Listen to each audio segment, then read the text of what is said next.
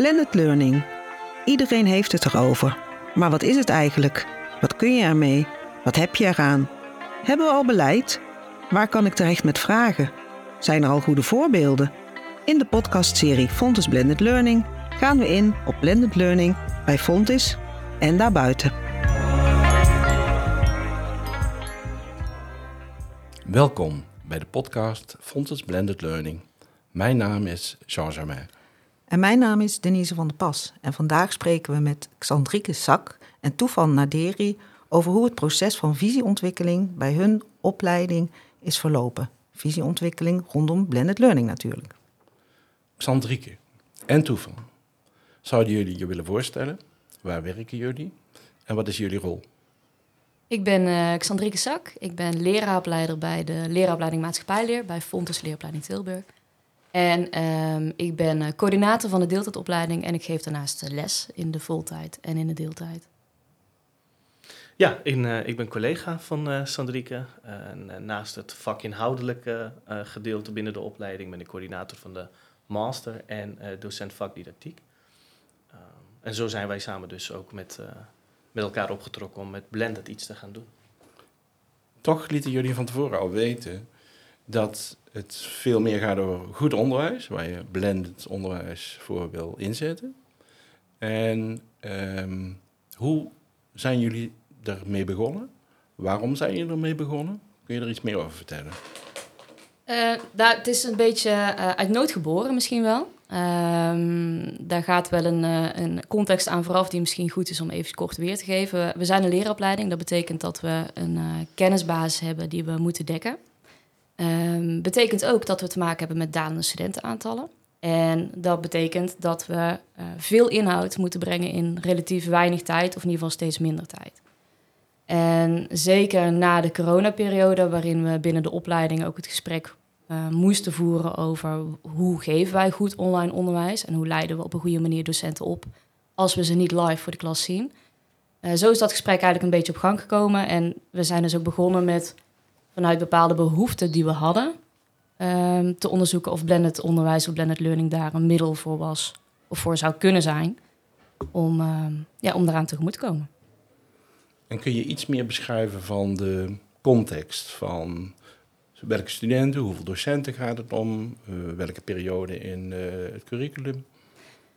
We hebben een docententeam van ongeveer 15 docenten. Uh, we hebben een voltijd, een deeltijd en een masteropleiding. En wij zien dat de instroom bij de voltijd, deeltijd en master, die verschillen heel erg veel van elkaar. Terwijl ze zeker in de voltijd en deeltijd bachelor hetzelfde moeten leren uiteindelijk. En wat wij zien is dat wij in de voltijd een uh, instroom hebben die um, voor een groot deel afkomstig is van het mbo. Wat maakt dat we bijvoorbeeld heel veel aandacht moeten hebben voor studievaardigheden, uh, leesvaardigheden vaak ook. En daar ook veel tijd aan willen besteden. In de deeltijdopleiding hebben we een instroom waarvan een heel groot deel al bevoegd is. Dus ze komen al binnen met een andere bevoegdheid um, of een andere HBO-opleiding afgerond. Hebben dus hele andere uitdagingen bij het leren, vaak het combineren met werk en, uh, en privé. En in de masteropleiding is denk ik specifiek voor onze opleiding dat we de enige um, eerste graadsopleiding zijn in Nederland. Dus we hebben heel veel studenten met heel veel reistijd. Die komen vanuit Groningen, vanuit Leeuwarden. Um, ook dichterbij, maar er zit ja, daar heel veel variëteit in.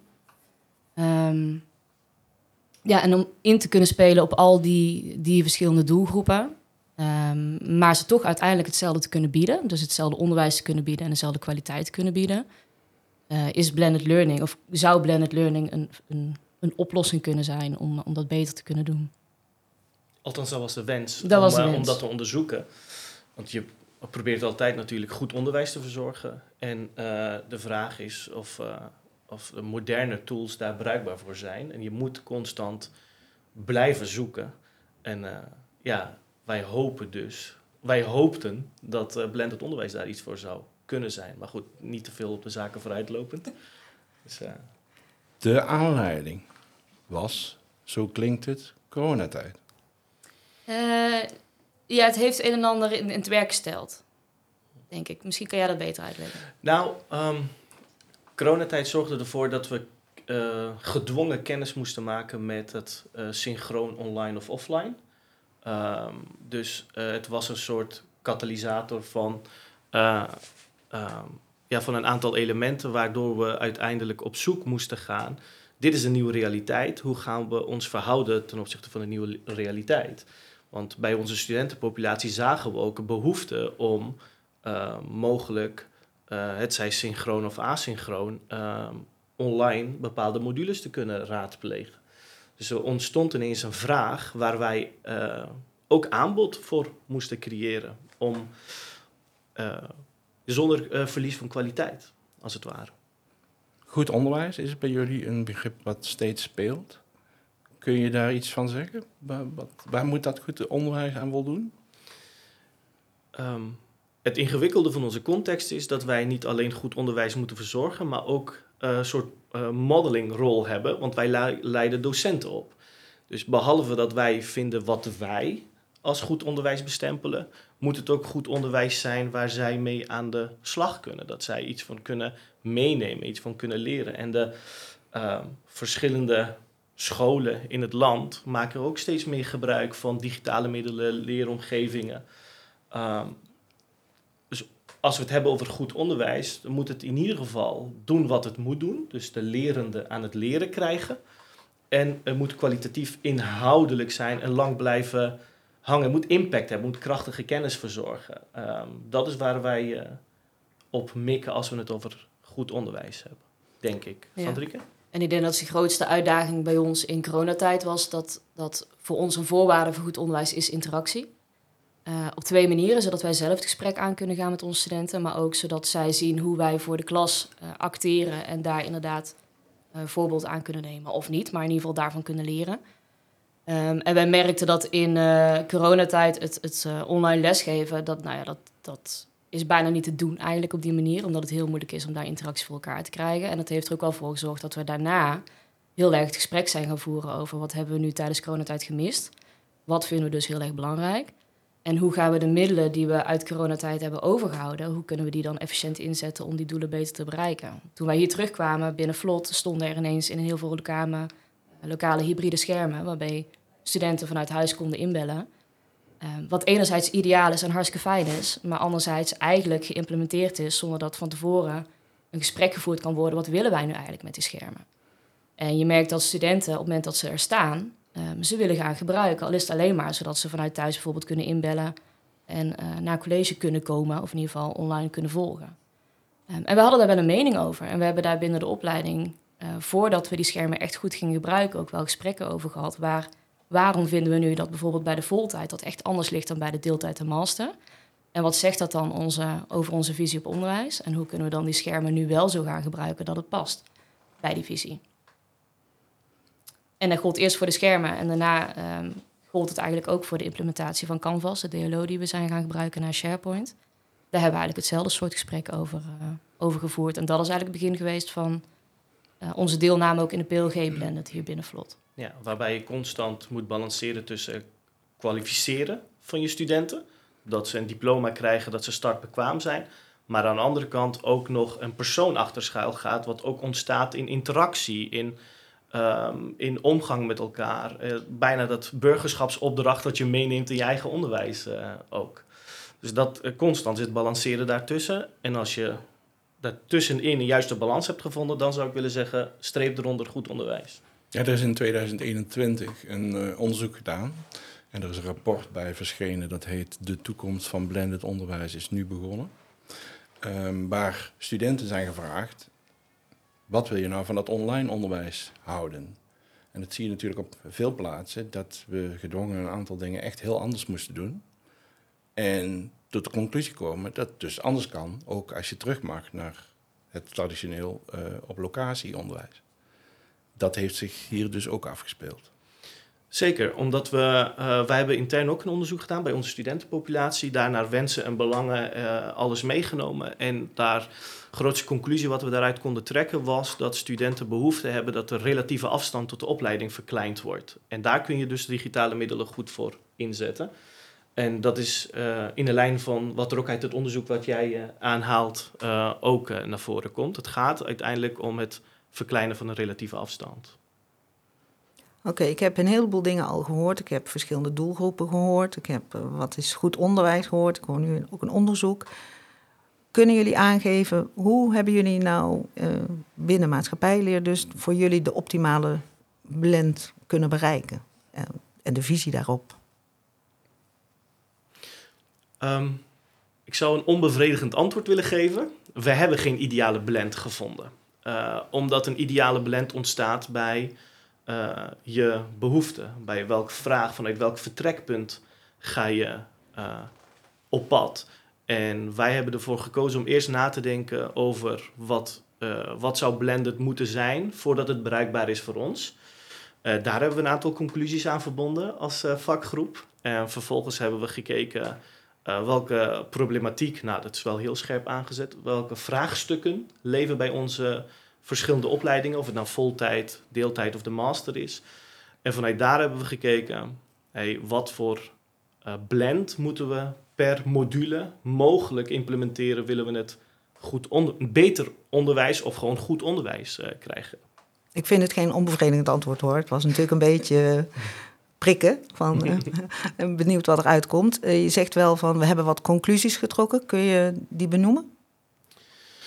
Um, ja, uh, conclusie nummer één zou zijn in mijn beleving dat in tegenstelling tot wat we veel in de wandelgangen horen, is dat blended onderwijs voornamelijk moet leunen op een online component. daar hebben wij toch wel gedacht, het mag een ondersteunend onderdeel zijn. Maar dat moet niet je doel zijn, want dan wordt je middel een doel. Uh, dat was een conclusie waar we heel snel op uitkwamen. Zeker ook omdat we heel erg op een persoonsvorming, interactie en uh, uh, coöperatief leren van onze studenten zitten. dus dat was een van de eerste en de belangrijkste conclusies. Maar er zijn er nog meer? Xandrike, mag ik jou vragen? Nou, ik, ik denk dat blended learning, het is geen geen zaligmakend iets. En ik denk, ik ben er nu vorig jaar ben ik er voor het eerst wel echt meer mee bezig geweest dan voorheen. Uh, om te kijken hoe kan ik heel concreet één vak. Um, hoe kan ik blended learning als middel heel concreet gebruiken in een vak om inhoudelijk in de colleges meer dingen te doen die ik echt zinvol vind voor daar. Um, en meer van de inhoud die ik voorheen in college deed te verplaatsen naar eigenlijk online in verschillende manieren, op verschillende vormen. Ehm, maar dat is bij dat vak de oplossing geweest. En komend jaar ga ik met andere vakken aan de slag. En daar heb ik weer andere uitdagingen. En blended learning kan daar wellicht een rol in spelen, wellicht ook niet. Maar ik denk dat de valkuil, en dat is ook een beetje de, de misschien aversie die ik er in het begin tegen had. Uh, de vraag die we als vakgroep vaak kregen is, doen jullie al iets met blended learning? En volgens mij is dat niet de goede vraag. Volgens mij moet de vraag zijn: um, loop je tegen uitdagingen aan? Zijn er bepaalde dingen die je aan wilt pakken? En kan blended learning daar een hulpmiddel bij zijn? Of kunnen we op een bepaalde manier faciliteren dat je blended learning kunt gebruiken om die uitdagingen aan te pakken? Ik denk dat dat, um, ja, het sluit eigenlijk aan bij de conclusie die Toefan net, uh, net formuleerde, dat dat de belangrijkste conclusie moet zijn. Waarschijnlijk gaan we volgend jaar tegen andere dingen aanlopen waarvoor blended learning soms wel, soms niet een oplossing gaat zijn. Ja, en op het moment als je de keuze hebt gemaakt van hey, bepaalde elementen van blended learning zou mogelijk een oplossing kunnen zijn bij de verschillende modules die we aanbieden, dan komt de volgende vraag om de hoek kijken en dat is uh, hoe kunnen we dit zo effectief en efficiënt mogelijk inrichten? En dan kun je niet meer op microniveau handelen. Dan moet je echt als vakgroep, als collectief handelen dat je de studenten ook wegwijs maakt. Dat je zelf de patronen doorloopt, dat de studenten weten waar ze moeten zijn, waar de keuzes op gebaseerd worden. Want je wil ook niet verwarrend werken. Uh, dus dat normatief handelen als vakgroep zou de was onze volgende stap. We willen hier iets mee, uh, we kunnen mogelijk hier iets mee. Maar hoe gaan we het zo inrichten dat het voor iedereen navolgbaar is? Maar op welke manier heeft uh, wat jullie gedaan hebben bijgedragen waarom zou je ermee verder willen? Um, wat vinden studenten positief? Um, op de een of andere manier uh, heb je toch het idee, uh, blended, dat is wel waar ik mee verder wil. Niet als doel, maar als middel. Maar middel, middel waartoe? Wordt er beter samengewerkt? Wordt er in de les meer de diepgang gevonden? Bij mij in ieder geval dat laatste. Dat was de reden waarom ik het ging gebruiken. Uh, om ervoor te zorgen dat ik in de lessen uh, minder aan, nou ja, overdracht klinkt heel ouderwets, maar uh, toch overdracht deed en meer interactie en diepgang kon bereiken. En ik denk dat dat beter gelukt is. We hebben in de lessen hebben we veel meer ruimte gehad om te kijken wat gebeurt er in het onderwijs, wat gebeurt er in schoolmethodes. Sluit dat aan bij de stof uh, die zij op dat moment moeten leren ook, moeten krijgen. Maar vooral, wat doe je daarmee als docent? Terwijl voorheen had ik daar in college vaak gewoon de tijd niet voor, omdat we ook heel veel stof aan ze moeten leren, omdat we die kennisbasis moeten leren. Dus de balans tussen online en offline, die is bij mij wel verschoven en studenten hebben dat ook wel positief geëvalueerd. Hoe is dat bij jou, Toevan? Um, het lastige is dat ik een aantal vakken geef waar uh, ja, voorkennis van de studenten echt uiteen lopen. Sommige havisten hebben examen gedaan uh, in uh, geschiedenis bijvoorbeeld. En komen bij mij bij het vak nieuwste geschiedenis. Dus ze hebben heel veel voorkennis. Dus daar kan ik direct de diepte mee in. of bruikbaar maken voor het vak maatschappijleer. Uh, terwijl een aantal uh, studenten zijn die komen vanuit het MBO en die hebben voor het laatst een geschiedenisboek opengeslagen of een, een methode uh, vijf, zes jaar geleden. Hoe krijg je ze nou van zo'n grote afstand ten opzichte van elkaar bij een gemeenschappelijk eindpunt? Um, daar is blended onderwijs, dus het keuzes daarin maken vanuit die blended wave, heel handig geweest om materiaal aan te bieden uh, rondom zelfstudie of raadplegen verdiepend, uh, kennisclips, podcasts, uh, muziekfragmenten, waar diegene met beperkte voorkennis zelfstandig bij konden spijkeren, terwijl we tijdens de colleges konden zeggen, iedereen is ongeveer hier, nou gaan we daar naartoe. En in hoeverre um, zijn jullie erop gericht of is het al gelukt om studenten buiten de les met elkaar te laten samenwerken, maar dan online? Um, in beperkte mate. Uh, zeker omdat we gemerkt hebben dat studenten ook uh, geneigd zijn om de bare minimum soms te doen. Hetgeen wat noodzakelijk is of als eis wordt meegegeven, daar zijn ze bereid het een en ander voor te doen. Ehm, maar op het moment als. we hebben een aantal keer geprobeerd om te faciliteren van hier kun je gezamenlijk in gesprek met elkaar online.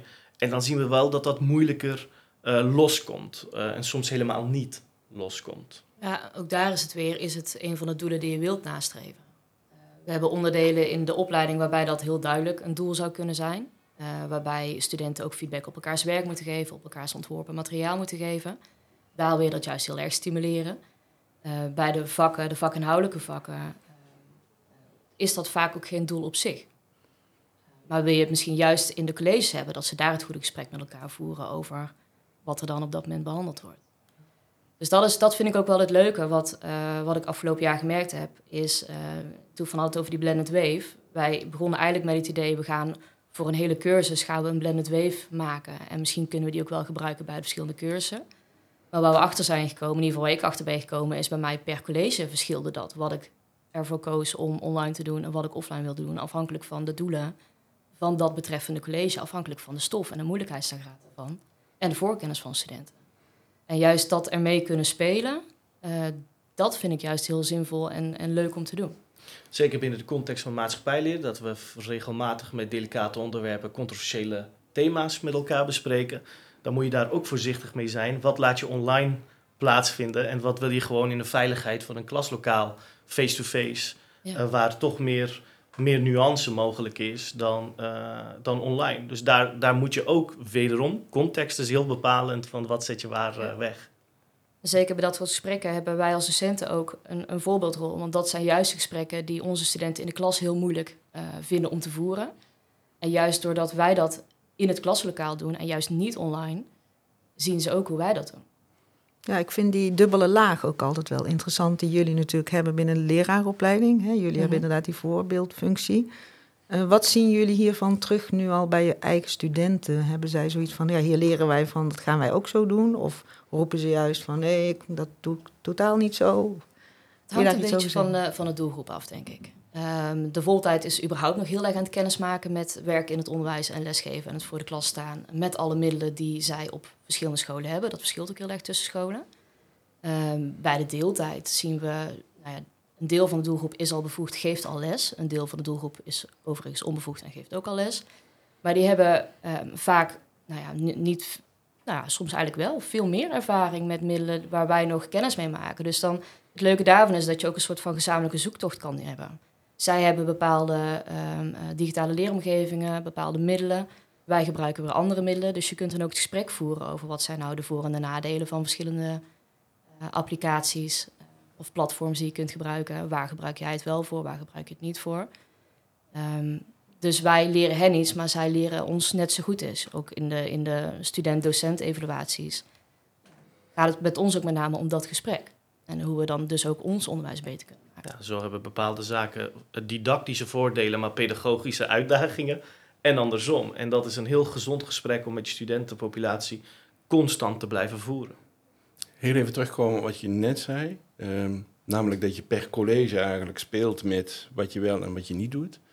Ehm, en jij zei net uh, toe van, ehm, als we door willen pakken, dan moeten we er ook wel met de vakgroep mee aan de slag.